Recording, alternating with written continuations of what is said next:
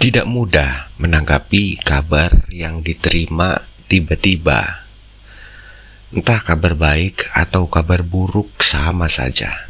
Rasanya tidak siap. Kabar yang tiba-tiba membuat kita putar otak, memikirkan apa yang akan terjadi nanti. Bagaimana jika nanti kalau begini terus apa? Sekian banyak pertanyaan segera berhamburan muncul. Bahkan terkadang kita begitu cepat menyimpulkan banyak peristiwa hayalan sebelum kenyataan terjadi. Indahnya di dalam pengalaman iman, kita selalu diajarkan Allah untuk tidak cepat-cepat menyimpulkan.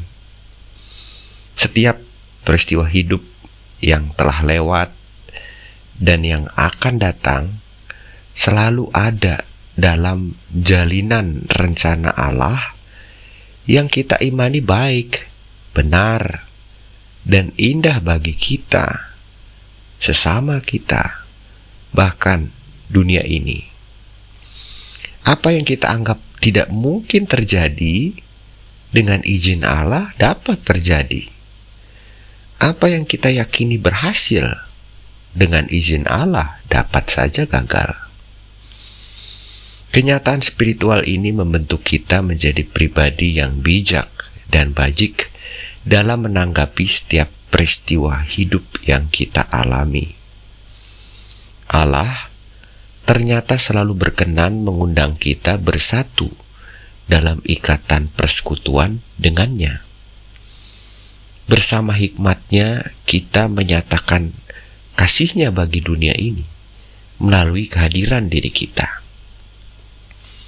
Dalam ikatan kasih itu, suka dan duka dalam hidup dipakai Allah demi kebaikan kita dan sesama ciptaannya. Sapan kali ini terinspirasi dari Lukas pasal 1 ayat 37 Sebab bagi Allah tidak ada yang mustahil. Mari berdoa. Kami tidak akan cepat-cepat menyimpulkan keadaan ya Allah. Sebab tidak ada yang mustahil bagimu. Bersamamu kami selalu diperlengkapi dengan apa yang kami butuhkan demi penyataan kasihmu bagi dunia ini. Terima kasih ya Allah. Amin.